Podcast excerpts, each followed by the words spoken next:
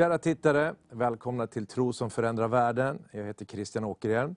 Och idag så har jag med mig i studion Rune Borgsö och Kim Ruben Borgsö. Och ni hänger ju ihop här på något sätt. Vi hänger ihop. ja. Stolt far. Ja. ja, jag är son till han som sitter rakt emot mig här. Så det är kul. Ja, roligt. Man kan säga att ditt liv kan man säga, har lugnt på, präglats av mission kan man säga. Men du är ju född, inte på missionsfältet, men igen, nästan. Ja, precis. Eh, jag växte upp eh, i Ryssland och Tadzjikistan eh, när jag var en liten bebis. Mina föräldrar var ute på missionsfältet där under några år. Och då föddes jag också under den tiden så då var det ju bara att haka på det de gjorde. Du har inte så mycket egna minnen kanske men det är klart du har säkert präglats av det här för att man, man hör ju en familj, och då bodde vi där och då hände det här och så.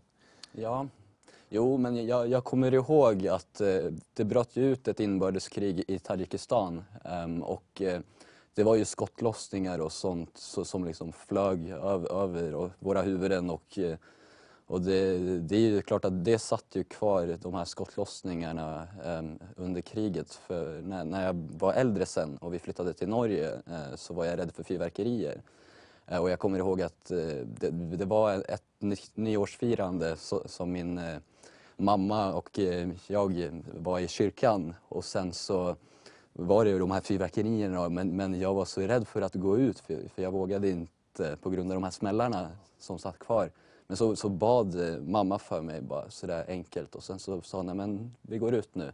Eh, och sen så minns jag bara hur, hur det släppte där, där, och då och då var jag kanske fem sex år gammal. Ja, det kommer jag, jag visste inte att, för att det, det kommer jag ihåg, du sa nu är jag inte läng, rädd längre sa du den ja. gången. Ja. Så att, eh, jaha, så det var, då fick du förbön, det kan du säga. Det, det, det, är väl det jag kommer ihåg mest då från Tadzjikistan och Ryssland. Eh, annars har jag inte jättemycket minnen sådär. Tadzjikistan är ju, jag ska säga, väldigt okänt för de flesta. Var, var ligger det någonstans och, och varför åker ni dit? ja, det kan, du, det kan, du säga. Det var ju, det var ju som en följd av, av missionen vi, vi drev på den tiden. Eh, vi reste ju tillsammans till Sibirien eh, först. Eh, det var ju när Sovjetunionen öppnade så det här dramatiska skeendet i historien när järnridån gick ned och eh, dessa ateistiska länder eh, öppnades för evangeliet och vi liksom som hade då på den tiden gått bibelskola och liksom fått gjort våra erfarenheter med teamresor och så, kände en kallelse att kasta oss in i det här, här och verkligen ge evangeliet i dessa områden. Så Kari och jag, vi gifte oss eh, i augusti med en kallelse båda två. Eh, och två veckor senare så var vi på väg in i Sibirien då och, och, och planterade en församling där i Irkutsk i Sibirien, eh, långt borta från allt möjligt. Och bodde i fyra år där. Sen flyttade vi till Moskva och eh, efter att vi hade bott i Moskva ett år, då hade vi fått en son under tiden vi bodde i Sibirien. Och han var väl två och ett halvt år eller någonting när vi flyttade till Moskva och så bodde vi ett år i Moskva och, så bod, och då var ju du pastor där och vi var, eh, jag var missionsansvarig i församlingen och jobbade med bibelskola och så. Eh, och så föddes ju du ett år mm. efter det. Eh, och så var vi eh, efter din födsel, vi kom tillbaka, bodde några månader i Moskva och så flyttade vi då ner till Centralasien för då hade en vision kommit eh, till eh, Ulf om att eh, nu ska vi få flyttas vidare ned i Kaukasus och Centralasien till bergsfolken. Eh, de kommer att ta emot det. Eh, sen ska vi vidare in i Afghanistan och så ska evangeliet därifrån svänga in i Mellanöstern. Så det var ju då liksom det, det, nästa steget efter Sovjetunionen.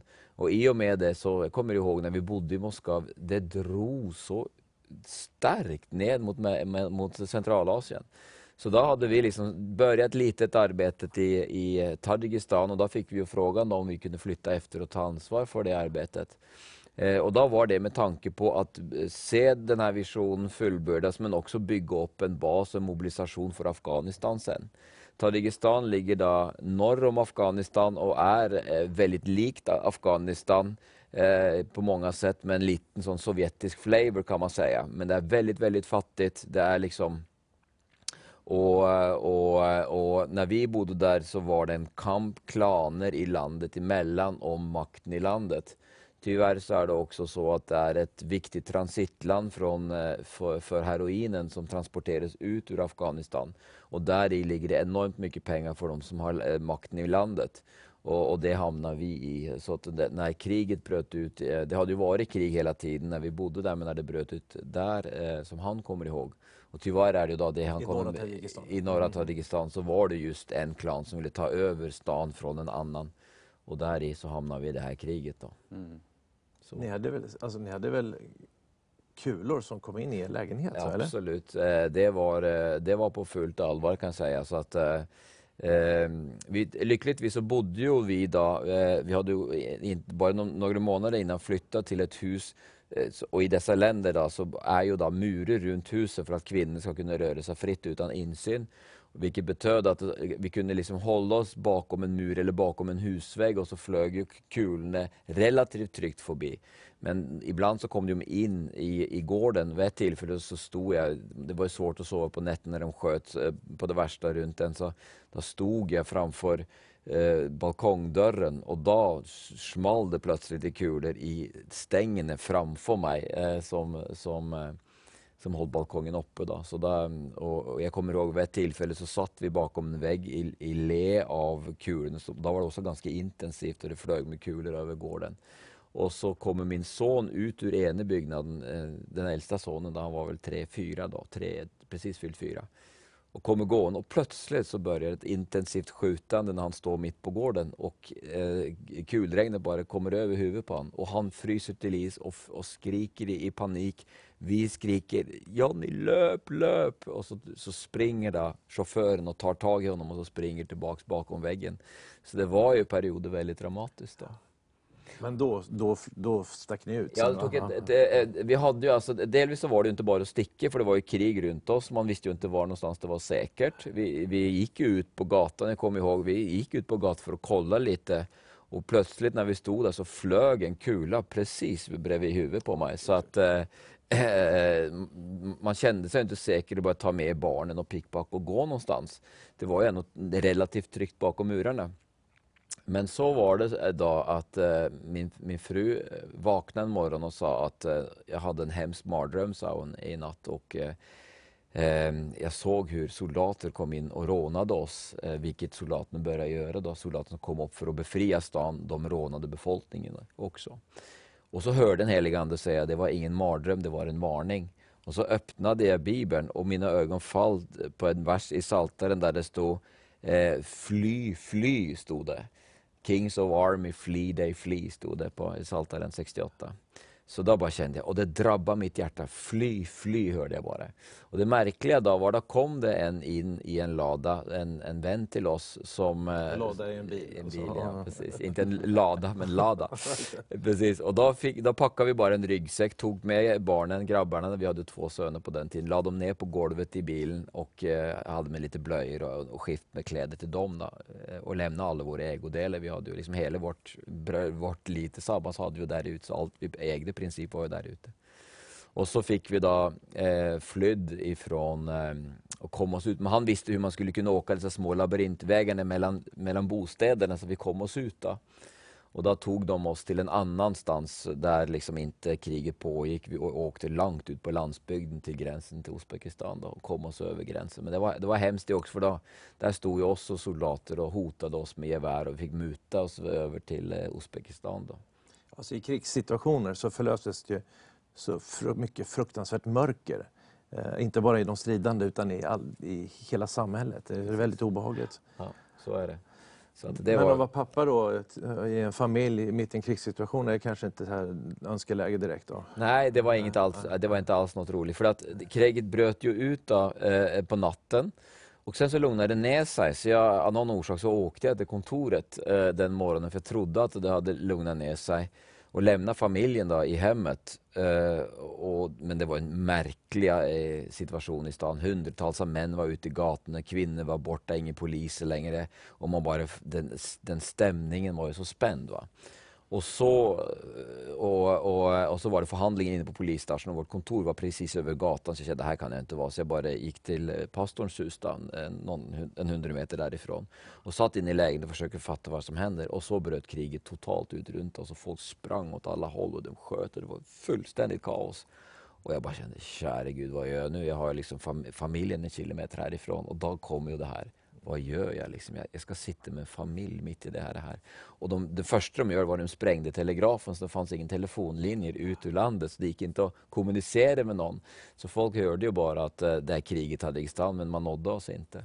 Så det var ju inte en, en, någon behaglig upplevelse alls kan man säga. Du var ju väldigt liten då, så att, eh, mm. men det är klart, det här är ju lite speciell början på livet då.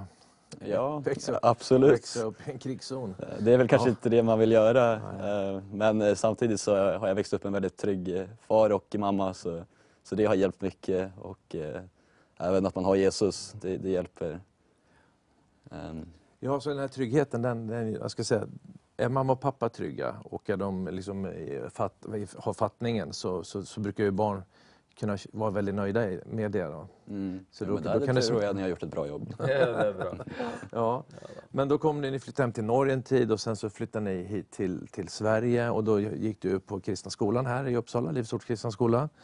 Eh, sen eh, gick du på gymnasiet också här eller? Ja precis, mm. det stämmer. Mm. Um, ja, det var, jag gick Kristna skolan här och sen så gick jag gymnasiet. Um, men eh, det var väl under gymnasietiden där så, så, började jag glida bort lite från, från Gud. Och, eller det var egentligen i slutet av högstadiet. Eh, sen läm, lämnade jag församlingen så jag gick på kristna skolan här men eh, jag levde inte ett aktivt kristet liv så att säga utan jag var fast i mycket dåliga saker under den tiden. Eh, eh, och det, det, liksom, det var en väldigt jobbig tid då, under gymnasietiden för mycket osäkerhet och jag gick och bar på dålig mental hälsa, depression och, och så vidare. Um, så jag hamnade ju i ett ganska dåligt gäng där, fastän det var en kristen skola så, så var vi ju ett gäng där som började dricka och ta, ta kanske raka cannabis ibland så där, och, och, så vidare. Och, eh, men, men, samtidigt så är jag väldigt tacksam då för, för, att ha just den här kristna skolan då i bakgrunden för det har gjort väldigt mycket, märker jag ju nu när jag är äldre så att säga. Och sen så gick du ut eh, gymnasiet, vad hände sen då? Du... Ja, då, efter gymnasiet så, så ville jag egentligen bara fly tillvaron. Då, då kände jag att jag, jag var less på Uppsala och jag var less på, på livet jag levde. Så, så då var det en kompis som erbjöd mig att följa med till Thailand um, och jobba som assisterande lärare. För vi har en eh, person här i kyrkan som, som har eh, startat en skola nere i Prachuap i Thailand. Eller det var egentligen hans far och då fick, kom jag i kontakt med honom då, via min kompis då, som var lika gammal och sen så bestämde jag mig för att åka ner. Det är en stor skola, eller hur? Ja, det är det absolut. Mm. Vi, vi, var inte exakt på den skolan utan vi hamnade på en mindre skola i Mappa Marit hette det, i Chumphon som är en väldigt så här, liten plats i Thailand. Så det var ju mitt ute i bussen i ingenstans. Eh, och bara komma från Uppsala och sen komma in i, in i den här kulturkrocken. Ja, det var utmanande och vi bodde i sådana här bungalows Eh, där man hade ett eget badrum och sen så hade du en säng också och sen var det ett, ett kök där som var helt öppet. Med, med, det var som ett, liksom ett, vad säger man, ett shelter. Eh, men det var ingen värme eller något i köket utan det, man kom ut i djungeln nästan kan man säga. Det är lite fascinerande, jag ska säga, du dras ut till det här då.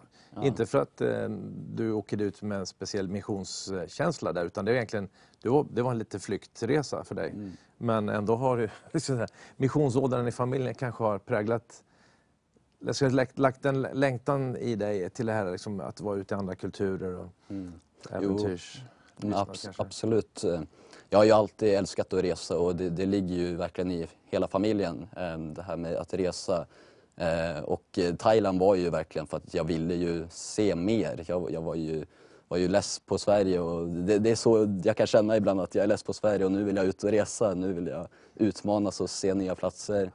Eh, men det var väl inte riktigt en missionsresa men som du sa så syntes det eh, redan då att, eh, att det var ett drag till mission då fastän jag inte hade upptäckt det då.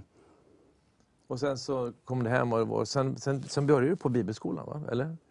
Ja precis, eller jag hade väl ett år där så jag bodde ett halvår i Thailand och jobbade som assisterande lärare där. Och sen så kom jag hem och sen började jag jobba för SAS ehm, och då, då var jag fortfarande inte så helt övertygad på det här med Jesus och sånt utan, utan jag hade levt det kristna livet och, och det, jag tyckte inte det var övertygande på, på något sätt. Och, men sen eh, var det en sommar där då så, som jag gick på Europakonferensen så, så gick jag på några möten där och fick bland annat höra väldigt bra predikan av Jensen Franklin. Eh, och det, det kommer jag fortfarande ihåg och sen hur jag bara fick eh, möta mina kompisar igen frå, från kristna bakgrunden och som, som jag hade och, i kyrkan. För jag hade ju inte umgåtts med dem på jättelänge. Och, och det, var bara, det var bara en sån värme att få, få komma in i kyrkan igen. Eh, och bara få eh, ja, men, ta kontakt igen med mina kristna kompisar då, som jag inte hade pratat med på länge. Men det är, då, då snackar vi slutet av juli.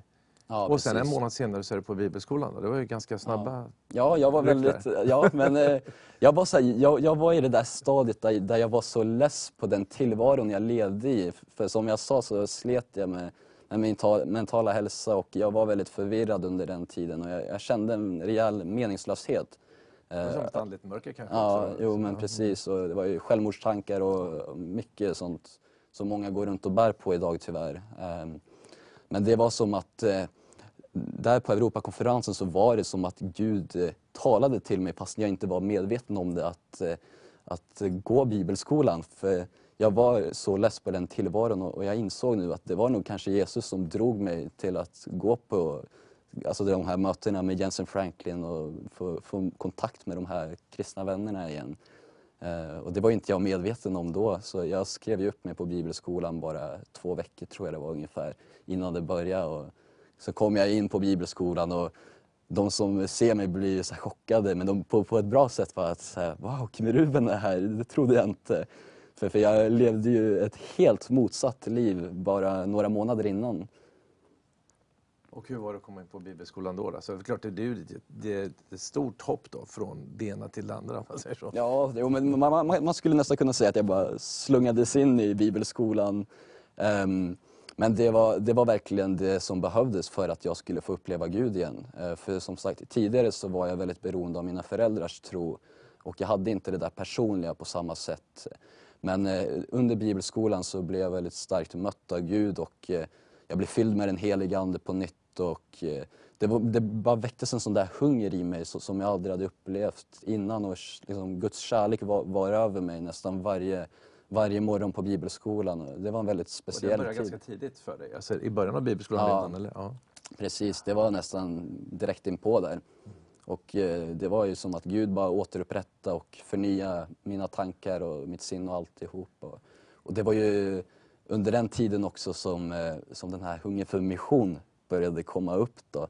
Ehm, och eh, jag fick ju alltså, uppleva mission i första året på bibelskolan eh, när jag reste till Bulgarien. Eh, för man åker på en mindre missionsresa eh, under en vecka då. Och, eh, det var bara som att där, när jag var i Bulgarien med mitt team då, eh, så, så väcktes ju någonting helt nytt eh, på insidan. Eh. Så då startades den här eh, hungern för ännu mer. Ja, härligt. Ja. Och sen, här- vi pratade ju om det förut, och ett, ett tidigare program här om, eh, om hur den helige Ande kom in väldigt speciellt. Och det var ju det året du gick på bibelskolan Ja. då. Det är för två år sedan då. Precis. Och det var ju faktiskt Ja, under Runes lektioner precis. Så att det kommer jag också ihåg att du blev väldigt berörd när andeutgjutelsen kom där i februari för två år tillbaka. Då mötte du, jag menar jag kommer ihåg eh, när du mötte Gud, när du började bibelskolan så hade du fått ett väldigt starkt gudsmöte på ett kvällsmöte vi hade här för bibelskoleeleverna. Och då mötte jag dig ute i korridoren, då var det en helt ny Kim Ruben. Så då kom det någon form av andligt genombrott, det kommer jag ihåg. Och det var, då fick du det här, eh, nu var du igång igen liksom. Men sen så kom ju andeutgjutelsen och då blev du också väldigt berörd, kommer jag ihåg. Ja, eh, som eh, min far här så är ju han en helig fanatiker eller vad man nu ska kalla det. Men, men eh, han eh, har ju just den här gåvan att liva upp de här gåvorna i, hos andra människor då, och livet med den heliga Ande. Eh, och jag kommer ihåg att det var ju på en av lektionerna så, så bad du mig och några andra att komma fram em, för, för du ville be för oss. Och sen kommer jag ihåg att eh, du bad för, för mig var det och det var väldigt speciellt för, för där och då så var det som att den helige Ande bara föll, föll över mig och eh, och eh, det var bara som att all den här smärtan jag, jag hade gått och bärt på tidigare i livet bara, bara liksom kvävdes ut på något sätt. Nästan som att man kräks. Va? Eh, och jag började gråta väldigt djupt där och det var som att Gud bara började återupprätta mig under den här tiden som den här heliga andeutgjutelsen var. Och jag kommer ihåg min syster hon gick på skolan på den tiden och de har ju, åt ju sin mat precis bredvid där vi har bibelskolelektionerna. De kunde ju höra hur, hur jag liksom skrek då, för att det, det, var verkligen en sån här djup befrielse. Men det var verkligen det jag behövde.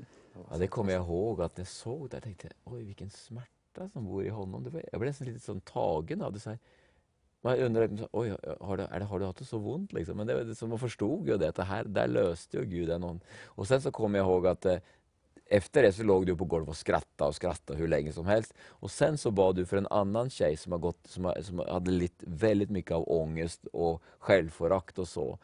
Och hon fick en durablig befrielse som tidningen där skrev om senare efter det. Och då kom jag du kom in i en sån djup barnsnödsbön för den tjejen. Då. Och det var ganska signifikant ska jag säga för den andeutgjutelsen. att det var många som, som hade slitit med de här grejerna som, som du säger, mental ohälsa, ångest, depressioner och så vidare, social ångest som, som, som verkligen fick djupa befrielser i den här andeutgjutelsen. Alltså.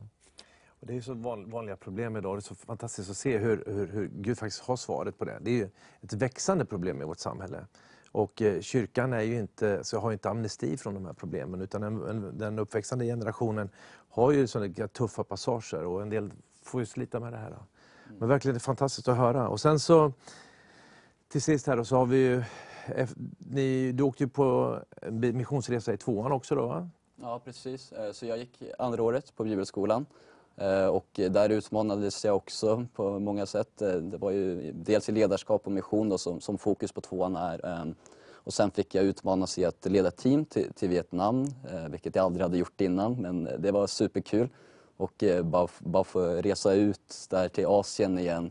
Jag hade ju bott i Thailand innan så, så, att komma ganska nära Thailand igen var ju roligt på det sättet. Men jag hade inte varit i Vietnam utan när jag var i Thailand så hade jag varit på lite andra ställen. Eh, men, men, det var ju en helt annan resa så att säga. Så det var Asien igen men eh, nu var det fokus på mission. Eh. Så blir det ju så annorlunda när man reser. Jag ska säga många reser ju idag. Jag ska säga, efter gymnasiet sticker man ut något år eller ett halvår. Men, men då, då, är man ju turist. Men sen när man åker ut så här då kommer man ju till kyrkor och kristna och man kommer ju djupare in i det lokala livet. Det är ju rätt fascinerande. Mm, ja men verkligen.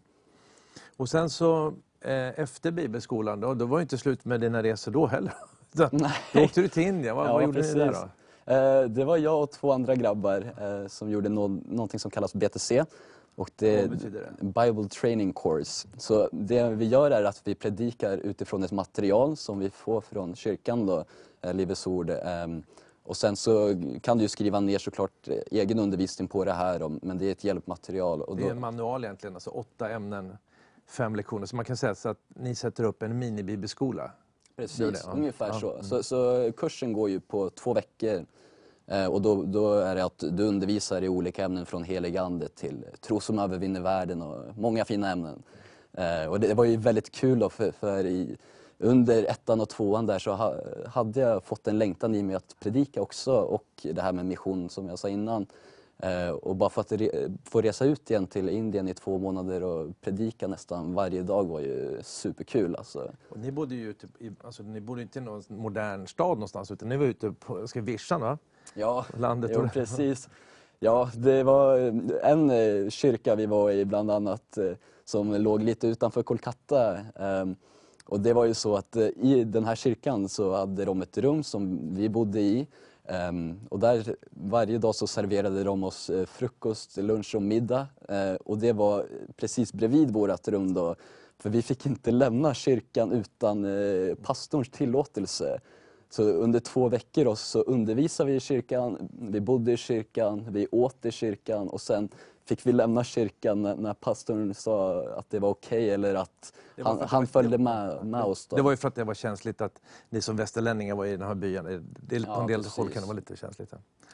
Ja. men spännande att höra. Och du känner för det här framöver också eller? Jo men det gör jag verkligen. Jag, jag är ju trainee nu i kyrkan också här. Ehm, så eh, målet är ju väl att eh, jobba med församlingsplantering framöver i framtiden och eh, och jobba med mission också. Och, jag har ju det här med, med liksom betjänande starkt på hjärtat och att betjäna människor och bara se hur Guds rike växer. Fantastiskt att höra Kim, så roligt, verkligen. Ja, det, det är härligt att se hur människoöden kan förvandlas när, när Jesus verkligen kommer innanför skinnet på en, kommer in i hjärtat. Och fantastiskt att höra hur Kim Ruben, och som växer upp i en kristen familj, missions, missionärsfamilj, men sen får en egen upplevelse av Jesus, sen får börja följa honom och se hur också bibelskolan leder honom in i en tro som handlar om mission och som handlar om också att bli en välsignelse för andra människor. Tack för att du var med på det här programmet och vi ser fram emot att ses längre fram igen. Gud välsigne dig.